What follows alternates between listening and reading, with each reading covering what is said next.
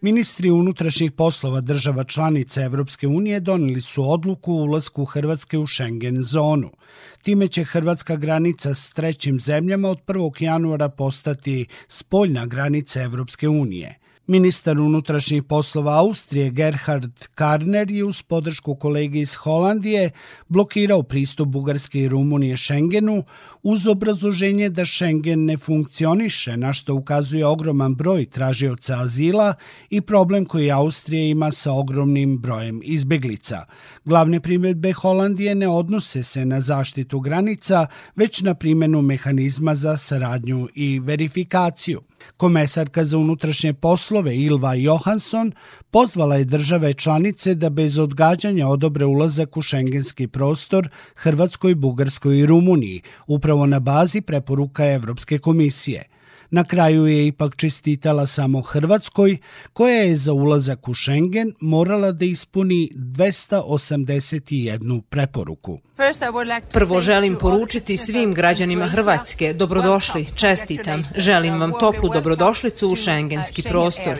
Od 1. januara 2023. granični natpisi će ostati, ali se ukida 73 granična prelaza na granicama sa Slovenijom i Mađarskom, tako da istočna granica prema Srbiji, Bosni i Hercegovini i Crnoj Gori u ukupnoj dužini većoj od 1350 km postaje i najduža spoljna granica Evropske unije. Hrvatska je morala dokazati da je sposobna da osigura tu granicu, navodi ministar unutrašnjih poslova Hrvatske Davor Božinović. Hrvatska je pokazala da je s pravom članica Europske unije, da je u stanju, iako nismo velika zemlja, provesti sve ono što se postavlja kao uvjet funkcioniranja jedne države članice i Siguran sam da je sa primitkom Hrvatske Europska unija velik, na velikom dobitku. Zbog veta Austrije na proširenje Schengena, Rumunija je pozvala svog ambasadora u Beču na konsultacije, najavivši zahlađenje diplomatskih odnosa na relaciji Beč-Bukurešt. Pre par dana bugarski predsednik Rumen Radev reagovao je na izjavu holandskog premijera Marka Rutea da se bugarska granica može preći za 50 evra, podsjetivši ga da su nedavno upravo u zaštiti bugarske i evropske spoljne granice poginula tri policajca, što je, kako je rekao, neviđeni cinizam. Međutim, nisu samo ministri unutrašnjih poslova Evropske unije bili aktivni. I ministarsko veće spoljnih poslova imalo je bunu nedelju radići na izveštaju Evropske unije o Zapadnom Balkanu. Pored konkretnih kritika upućenih na račun pojedinih zemalja kandidata, iskristalisan je jedinstven stav oko ideje da se Bosni i Hercegovini dodeli status kandidata, što je obrazložio komesar za proširenje Oliver Varhelji. Um, Političari u Bosni i Hercegovini su se obavezali na brojne reforme i mnoge su od avgusta već proveli, ali je također važno naglasiti da je ova odluka prije svega politička poruka. U junu su, kao što znate, zemlje članice donijeli donijeli odluku da daju status Moldaviji i Ukrajini i mi smo se zalagali, s obzirom na geopolitičku situaciju, da se on dodijeli i Bosni i Hercegovini. Odluku ministara trebalo bi da potvrde šefovi država i vlada zemalja članica Evropske unije na samitu koji je započeo juče. Evropska komisija je za Bosnu i Hercegovinu u oktobru preporučila status kandidata za punopravno članstvo u Evropskoj uniji.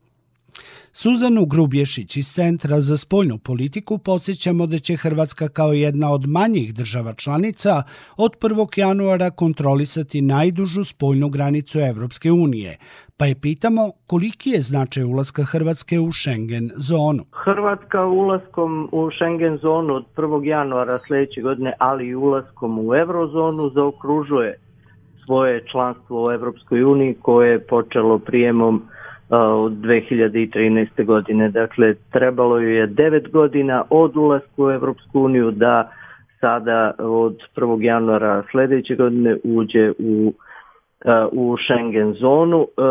Inače, njene granice prema Srbiji, Bosni i Hercegovini i Crnoj Gori od 1. januara 2023. godine postaju i spoljne granice Schengena.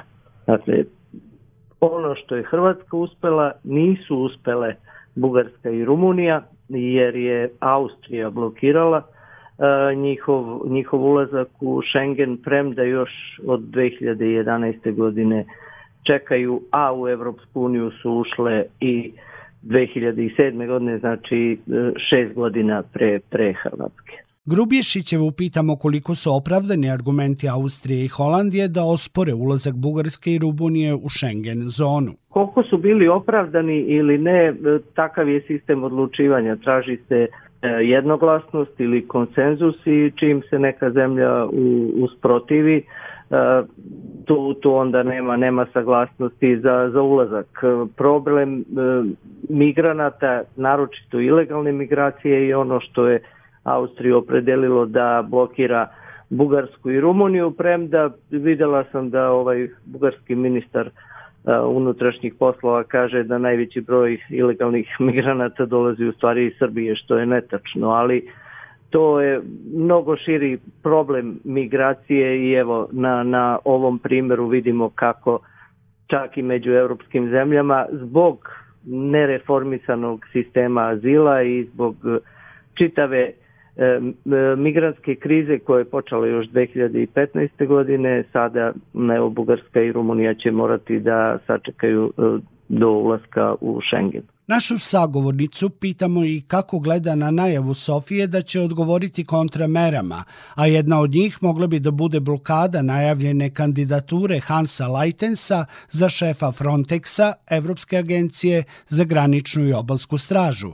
I da li je moguće da izbog ovog gesta dođe do još jednog nejedinstva u okviru Evropske unije? To jeste vrlo moguće. Mislim, zemlje članice jedna drugu, ne samo kandidate, na što smo mi uvek osetljivi kako članica e, blokira kandidata, nego i one međusobno e, koriste to svoje pravo veta e, da bi, da bi mogli da isposluju neke stvari za sebe. I tako će se stvari dešavati i bit će ovakvih situacija i dalje sve dok se ne promeni taj sistem odlučivanja pa se sa jednoglasja ili konsenzusa pređe na kvalifikovanu većinu. Međutim, i to je problem jer nijedna zemlja uh, naročito ove iz takozvane nove Evrope, odnosno iz istočne i centralne Evrope koje su primljene 2004. i 2007. godine ne žele da se odreknu tog svog prava veta jer im to daje mnogo veću moć pa vidjet ćemo da li će Bugarska to sad upotrebiti, dakle ni, ne upotrebljava veto samo prema Severnoj Makedoniji, upotrebit će to i za imenovanje šefa Frontexa. Suzanu Grubješić podsjećamo da se glavne primetbe Holandije ne odnose na zaštitu granica, već na primenu mehanizma za saradnju i verifikaciju koji je za Bugarsku odbačen 2019. godine, tako da Holandija očekuje izveštaj koji ne može da dobije. Pitamo je koliko takav stav u izvesnom smislu obesmišljava pravila na kojima se zasniva Evropska unija. Pa da, to su, to su pravila, ali pravila očigledno služe da bi se ovaj kršila i da bi svaka zemlja e, štitila prevashodno sobstvene interese. Dakle, vidite da su različiti razlozi i Holandije i Bugarske. Svaka je našla svoj interes i pokušava da ga zaštiti kroz e, primenu veta, odnosno blokade. Suzanu Grubješić smo zamolili da prokomentariše činjenicu da je Bosna i Hercegovina dobila status kandidata za članstvo u Evropskoj uniji nakon direktne preporuke Evropske komisije. Ja mislim da je ova odluka zakasnila jer Bosni i Hercegovini je trebalo dati status kandidata u junu kad su taj status dobile Ukrajina i Moldavija jer to e, ta, te poteze je omogućio trenutni geopolitički kontekst i onda je trebalo i Bosnu tu uključiti, ali hajte da sad, pošto su tolike godine e, čekali da ne cepirlačimo za ovih e, pola godine, tako da Bosna i Hercegovina je podnela zahtev za dobijanje kandidature još 2016. godine, ali još 2008. je potpisala sa Evropskom unijom sporazum o stabilizaciji i pridruživanju baš kad i, kad i Srbija. Znači, zajedno smo potpisale taj, taj sporazum, a evo tek sada će Bosna i Hercegovina dobiti status kandidata, što vam govori suštinski da da su evrointegracije u u Bosni i Hercegovini stale poslednjih 15 e, godina i, i to pre svega zahvaljujući obstrukciji pojedinih političkih aktera koji svoje partijske interese stavljaju ispred javnih interesa. Vidim da nema nekog preteranog oduševljenja ove prve reakcije e, od kad je GAK, ovaj Savjet za opšte poslove, kad preključe odobrio i preporučio dobijanje statusa, da nema nekog prevelikog oduševljenja među E, ni građanima, a ni e, političkim liderima u Bosni i Hercegovini. Valjda posle toliko vremena, posle toliko godina čekanja, ovo je sada, evo, podrazumeva se da, da je nešto stiglo, makar i tako simbolično kao što je kandidatura, ali ja ipak mislim da je to važno i da je važna e, poruka i za čitav region, jer Bosna i Hercegovina je ostala tu usamljena, ako ne računamo Kosovo koje pet članica ne priznaje za državu, ne priznaje e, državnost Kosova i Metohije, premda je danas Kosovo ovaj, podnelo svoju aplikaciju i zatražilo kandidatski status. Našu sagovornicu pitamo i koji su to uslovi koje Bosna i Hercegovina mora da ispuni na svom putu ka Evropskoj uniji. Da bi Bosna i Hercegovina krenula dalje od dobijanja ovog statusa kandidata, pred nju je još u zaključcima saveta iz 2019. stavljeno nekih 14 e, prioriteta koje treba da ispuni. Od tih 14 do danas je delimično ispunjeno samo 3, a to se odnose recimo nabrojaću nešto čisto da bismo imali e, predstavu o čemu se radi. E, potrebni je doneti nekoliko zakona, između ostalog zakon o, o sudskom i tužilačkom savetu, zakon o sudovima, o sprečavanju sukoba interesa i tako dalje, onda tu rekli su da ima nekih osam uslova koje treba da ispuni, pa tu su izmene izbornog zakona, zatim izmene Ustava Bosne i Hercegovine, ako još neko pamti onaj e, onu presudu suda u Strasburu Sejdić-Finci koja bi e, suštinski omogućila i nekome drugom da se kandiduje e, u Bosni i Hercegovini osim tri konstitutivna naroda i tako dalje. Do sad, kao što sam rekla, nije postojalo preterano političke volje da se ti uslovi i ti kriterijumi ispunjavaju. Od sad možda će evo status kandidata podstaći i e, ove bošnjačke i hrvatske i srpske političke elite da bolje sarađuju i da Bosni i Hercegovini daju šansu da napreduje u procesu evropskih integracija. Suzanu Grubješić podsjećamo i na očekivanja Evropske komisije da veći deo ingerencija sa nižeg nivoa prenesu na viši nivo vlasti. I za sam kraj razgovora je pitamo koliko je realna opasnost da Brisel u svojim zahtevima krene u osporavanje izvornosti Dejtonskog sporazuma. Brisel to ne može da uradi, mislim može da uradi, ali to neće imati mnogo efekta jer zna se ko su e, potpisnici, ko su garanti Daytona. E, stvari su se dosta promenile naravno od sklapanja Daytona do danas.